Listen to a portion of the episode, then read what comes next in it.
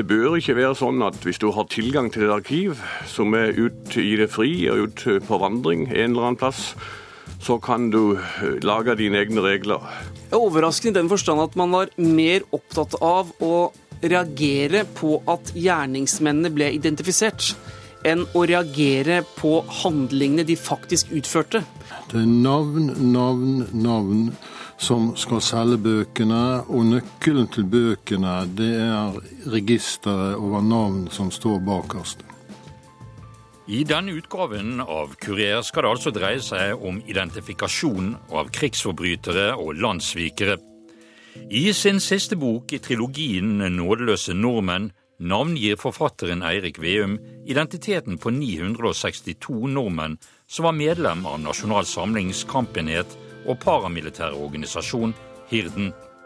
I boken skildres grove krigsforbrytelser utført av Hedmarkbataljonens vaktsoldater som tjenestegjorde i fangeleirer, bl.a. i Nord-Norge. Kurer. NRK P2. Eirik Veum har fått kritikk for navngivningen i boken. Han forteller dette om bakgrunnen for å skrive om Hirden. Jeg har jo sett at eh, deler av norsk krigshistorie har vært eh, lite belyst. Um, og det gjelder spesielt de delene som vi har, har hatt problemer med å forholde oss eh, til, og som handler om norsk deltakelse på tysk side og norsk involvering i nasjonalsosialismen. Jeg tror noe av årsaken er at um, i Norge har vi vært veldig bevisste på å bygge oss en versjon av krigshistorien som gjør oss stolte. Vi snakker om uh, motstandskamp, vi snakker om uh, senkingen av Blücher, vi snakker om Max Manus, uh, Kjakan Sønsteby. Det har vært riktig og, og, godt at de historiene har kommet frem. Men det vi ikke har skaffet oss bred kjennskap til, er de delene av krigshistorien vi ikke har grunn til å være stolt av. Og Det handler bl.a. om krigsforbrytelser utført på norsk jord av nordmenn. Ja, eh, Det som har vært kontroverser rundt eh, de to eh, bokutgivelsene dine, om dette først om statspolitiet og nå om Hirden, det har jo vært dette med at du bruker navn. Du røper identiteten på, på de du omtaler. Hvorfor har det vært viktig for deg? Jeg mener at det ville vært helt uforsvarlig å skrevet en bok som knytter nordmenn til såpass grove forbrytelser som jeg gjør her, uten å fortelle hvem som eventuelt var involvert i hva. Ved å anonymisere så ville man kastet en mistanke over alle som var involvert i denne bevegelsen og som hadde valgt tysk side. Kun noen få av dem noen hundre, var involvert i såpass grove forbrytelser at eh, det er grunn til å omtale dem som krigsforbrytere. Men eh, ved å anonymisere så vil man kaste et mistanke over alle. Mange er døde. De kunne ikke fortalt sine etterkommere om hva de eventuelt hadde vært med på. Så ved å navngi så er man tydelig på hvem som gjorde hva, og hvem som ikke var involvert. Eh, forstår du at, at, det har skapt litt støy, dette her, i, blant med historikere og, og en del anmeldere? Jeg forstår at dette vekker reaksjoner.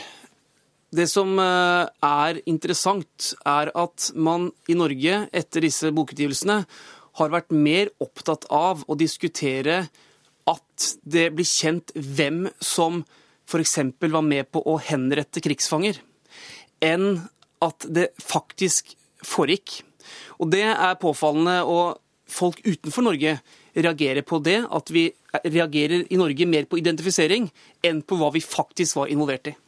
Nasjonal Samlingsfører Vidkun Quisling kommer. Hei norsk sild! Hei norsk sild! Hei norsk sild! Hei norsk sild! Hirdmen, vi lever i den største krise i Norges historie. Og den stiller store krav til oss. Det er alle nordmenns plikt å arbeide for at Norge vinner sin rette plass i folkefellesskapet. Dette lydbildet var hentet fra det da nazifiserte NRK den 13. januar 1941, hvor det ble overført en tale Vidkun Quisling holdt for Hirden i Oslo. Litteraturansvarlig i Aftenposten, Rune Hallheim, reagerer sterkt mot identifikasjonen av hirdfolkene i Eirik Veums bok 'Nådeløse nordmenn'. Det jeg reagerer på, er jo at det kunne være interessante historier her, og det er for all del interessante historier om hirden og om nordmenn som gikk i tyskernes tjeneste under krigen. Det som er problemet, det er at det ser ut til at den bærende ideen i disse bøkene er navn.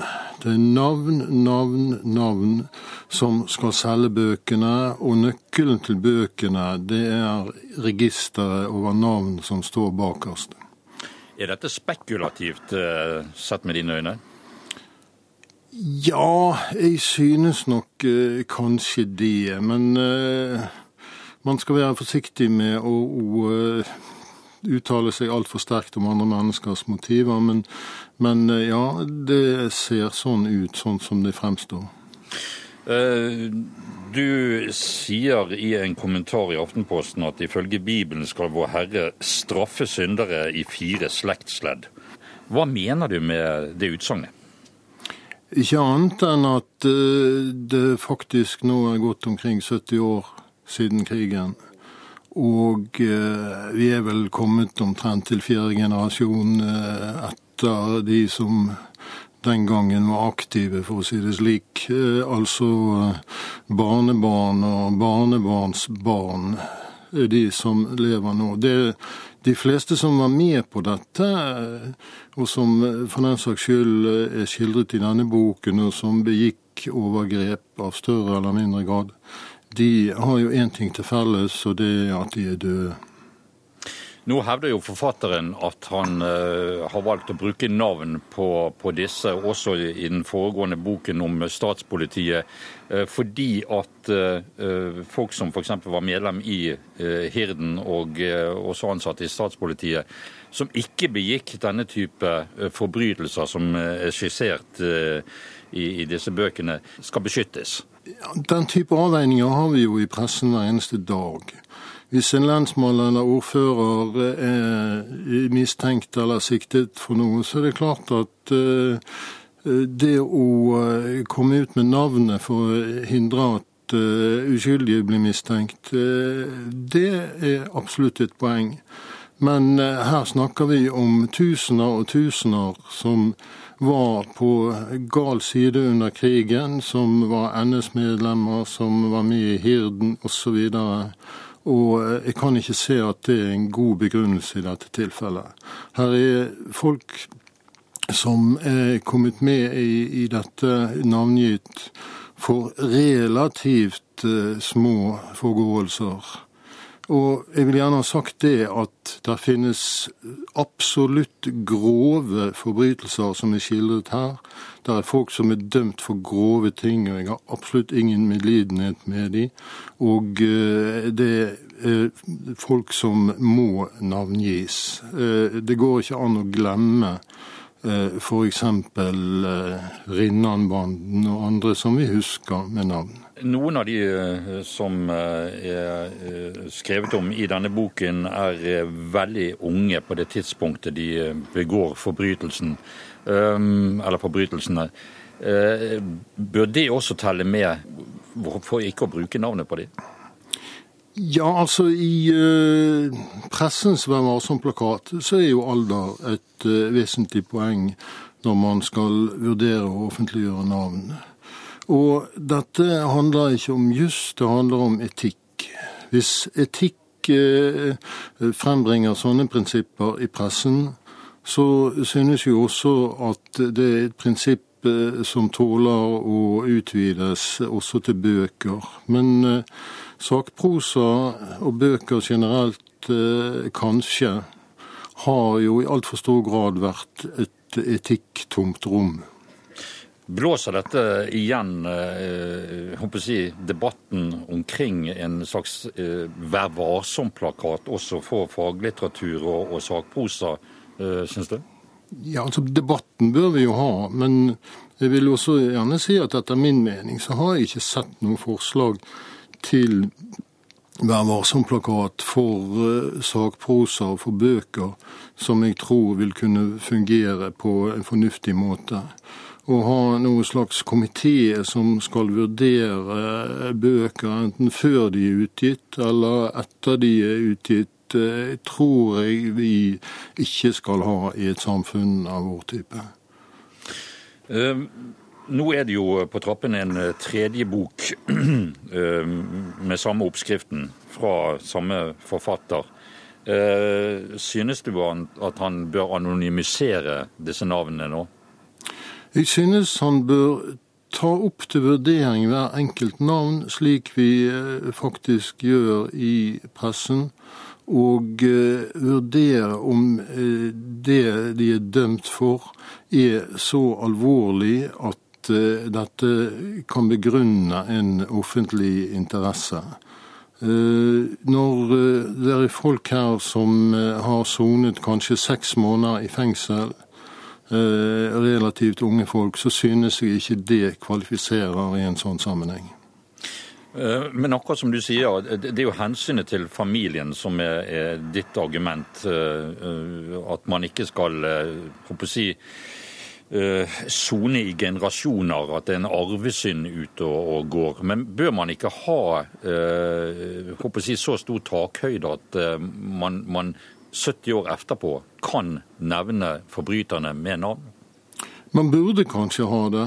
Eh, men eh, jeg nevnte Rinnan, og det går mange hederlige mennesker rundt i Norge i dag og heter Rinnan til etternavn. Og jeg vil tro at de ganske ofte må svare for sitt eh, forhold til denne torturisten og angiveren som opererte under krigen. Hva er det som trigger oss så voldsomt når det gjelder denne type litteratur? Det er ikke godt å svare på, men altså Dette er jo, hva skal vi si, den store prøven vi har hatt som nasjon i nyere tid. Noen gikk til den ene siden, og noen gikk til den andre siden. Noen valgte riktig, og noen valgte galt. Og eh, det å kunne nær sagt slå opp i en sånn katalog som dette og se hvem som eh, valgte eh, hver sin side, er det er jo pirrende, rett og slett. Altså, Jeg vil tro det. Navn er interessante. Eh, det vet enhver som har redigert en lokalavis. Jeg tror ikke det å slå opp sånne navn appellerer til det beste i oss, i hvert fall. Kanskje snarere det motsatte. Så langt litteraturansvarlig Rune Hallem i Aftenposten. Forfatter Eirik Veum har fått reaksjoner fra folk utenfor landets grenser om debatten som bøkene hans har startet. Jeg har blitt intervjuet av journalister eh, både fra Polen, fra Storbritannia, fra Israel, som sier at for oss er det interessant at Norge var såpass tungt involvert i disse hendelsene og disse krigsforbrytelsene at dere identifiserer gjerningsmennene, er vel faktisk mange tiår for sent. Det gjorde vi for lenge siden. Den yngste du omtaler eh, i boken er vel rundt om 15 år når han skal ha begått krigsforbrytelser. Vurderte du under arbeidet eh, at man, du skulle ha en slags aldersgrense på dette? Ja, min vurdering, eller vår vurdering, for jeg har jo eh, naturligvis hatt advokater inne i denne prosessen og hatt juridiske vurderinger av det. Men vurderingen falt jo ned på at var man tilregnelig til straff under landssviksoppgjøret, altså over den kriminelle lavalder, så eh, var eh, det grunn god nok da, til å navngi dem sammen med, med, med, de andre. I en kommentar i Aftenposten så eh, blir identifiseringen sagt å gå utover etterkommere av, av disse omtalte. Um, hvordan ser du på det? Det er fortsatt sånn i Norge at det er mye skam og skyldfølelse rundt det som skjedde under andre verdenskrig, også blant barn og barnebarn og oldebarn av eh, de som utførte eh, ugjerninger. Det er forståelig, og det er beklagelig at vi ikke er kommet lenger i Norge i åpenheten vår, enn at det fortsatt er sånn at noen tror at ondskap, evne til landssvik og landsforræderi går i arv. Ved å fortsatt snakke om dette på en måte som gjør at etterkommerne nærmest skal føle skyld og skam, så er man med på å opprettholde dette. Det er beklagelig. Andre land det er naturlig å sammenligne seg med, har kommet mye lenger i denne prosessen, hvor det å erkjenne at også ens egne borgere, for oss da nordmenn, var involvert i dette, har, har vært en, en, del av en lang, lang, prosess de har forstått. Mens uh, i Norge så snakker vi fortsatt om dette som om det knapt hadde skjedd. Etterkommerne som uh, kommer med reaksjoner, de reagerer ikke på den måten. Siden jeg uh, ga ut boken om Hirden da, for, for snart to uker siden, så har det kommet én reaksjon fra én etterkommer. De som har reagert, er jo historikere og eh, kommentatorer som forsøker å, å ta på seg en, en talsmannsrolle. Eh, det virker ikke som at etterkommerne reagerer på samme måten. De har forstått at evne og vilje til å utføre ondskapsfulle handlinger, eller som kan fremstå som det, det går ikke i arv. Under arbeidet med boken, du sier at du har fått eh, kun én henvendelse i løpet av de vel 14 dagene som er gått siden boken kom ut. Men uh, har du vært i kontakt med, med, med disse, disses familier? Ja, altså Det ville vært en, en, umulig oppgave å kartlegge alle etterkommerne etter de personene som jeg omtaler. Vi snakker om nesten 1000 personer i, i hver av bøkene. Jeg har stoppet mitt arbeid idet personen ble løslatt. Jeg har ikke kartlagt hvem som fikk barn med hvem, og hva de kalte barna sine, og hvem som fikk barnebarn og oldebarn. Det ville vært uetisk. Så at det å spore opp og kontakte familier og etterkommere, det har jeg ikke gjort. For det første fordi det ville vært en umulig oppgave å greie å få oversikt over alle.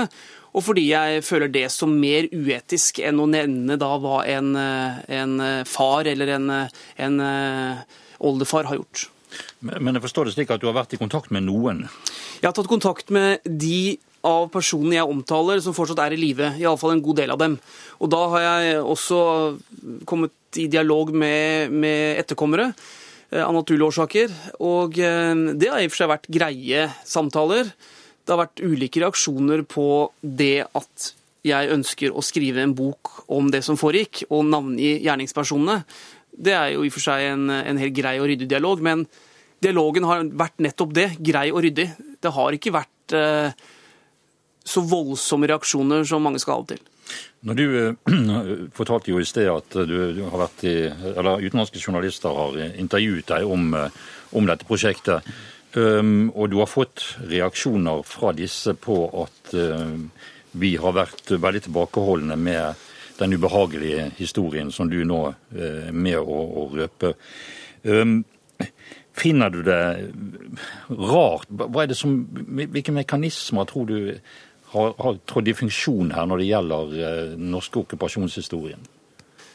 Nei, Vi hadde jo av naturlige årsaker et ønske om å skape en versjon av vår egen krigshistorie som Norge kunne være stolt av.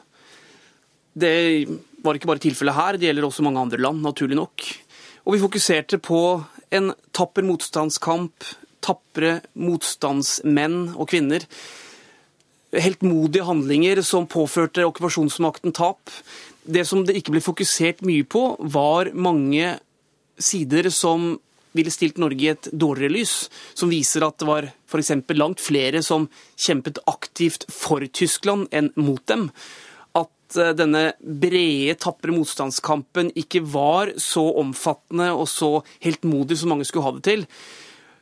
Det jeg har gjort, er ikke å si at noe av det som har vært sagt eller gjort, har vært feil. Jeg har egentlig bare forsøkt å utfylle en del som ikke har vært fortalt godt nok.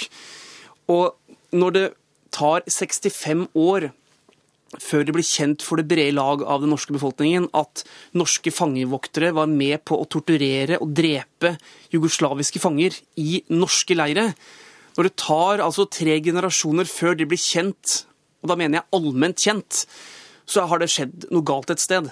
Kurer. Arnfinn Moland er direktør ved Norges hjemmefrontmuseum. Han er også historiker og har skrevet en rekke bøker med utgangspunkt i andre verdenskrig. Han mener Eirik Veum burde sløyfet identifiseringen i sine bøker om Hirden og statspolitiet. Det er på et rent prinsipielt grunnlag. Vi har jo hatt noe som heter personvern. og personvernhensyn. Og eh, etter mitt skjønn så er det en god regel. Det gjelder i Arkivverket. og denne boka her ville vært umulig å gitt ut med navngivning på dette planet hvis man hadde brukt vanlige arkivregler. Og det som kanskje forundrer meg, er litt at ikke Riksarkivet på et prinsipielt grunnlag har kommet med en uttalelse her. Det er jo ikke noe tvil om hva som har skjedd. Disse folkene har gjennomført mer eller mindre grusomme handlinger og har fått sin straff. Men eh, vi har hatt en eh, kutyme med at det er de store, eh, brutale fiskene og navnene som er kjent, har vært kjent ifra etter krigen og i 70 år, som blir navngitt. Og de andre, som da er mer eller mindre anonyme, de skal få, kunne forbli anonyme. Er du redd for at dette vil være en belastning for eh, familiene til, eh, til disse som, som, er helt uskyldige? Altså Det er det nok store sjanser for. og så Det er jo også en tilleggsting. Men altså, jeg syns jo prinsipielt sett at det må være grunn til å behandle folk likt i forhold til om du er forsker, eller du er journalist i NRK, eller du er forfatter. Det bør ikke være sånn at hvis du har tilgang til et arkiv som er ute i det fri og ute på vandring en eller annen plass, så kan du eh, lage dine egne regler. Og eh, jeg har jo konstatert at Veum påstår at det er helt nødvendig med navn.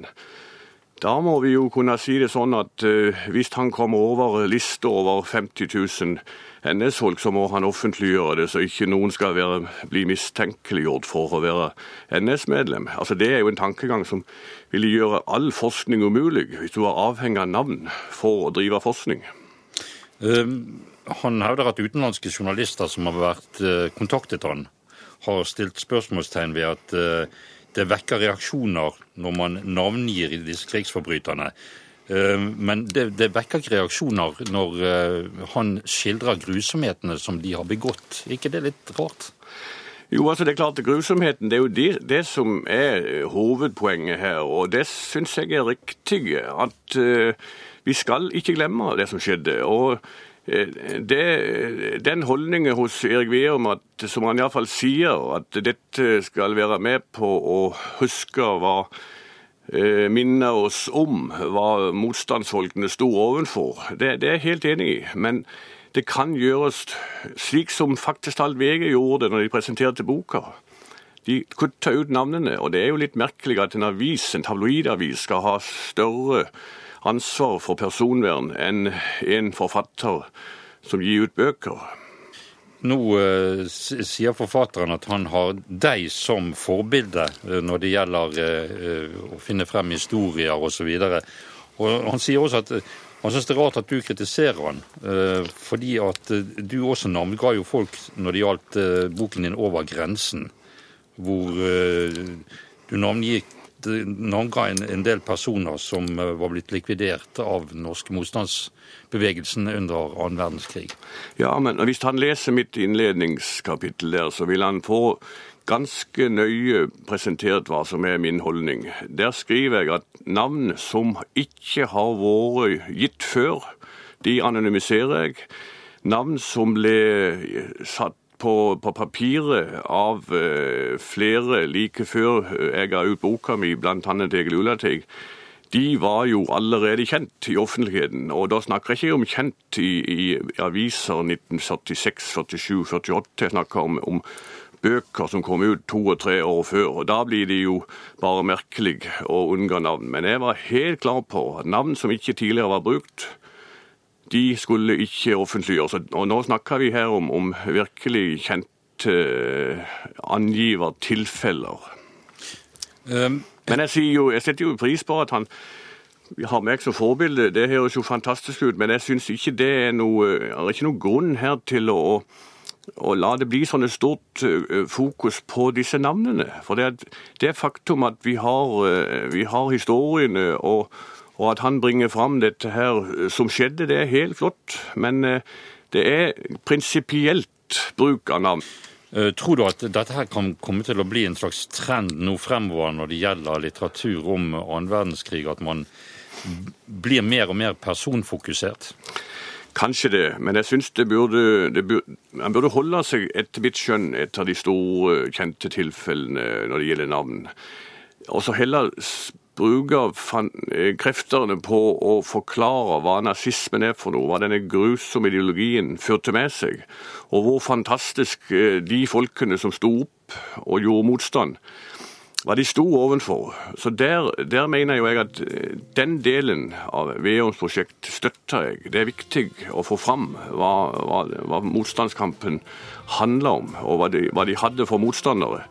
Men som sagt, det er altså bruken av, av navn som jeg syns da fører til en slags kikkermentalitet og en slags se og hør-historie.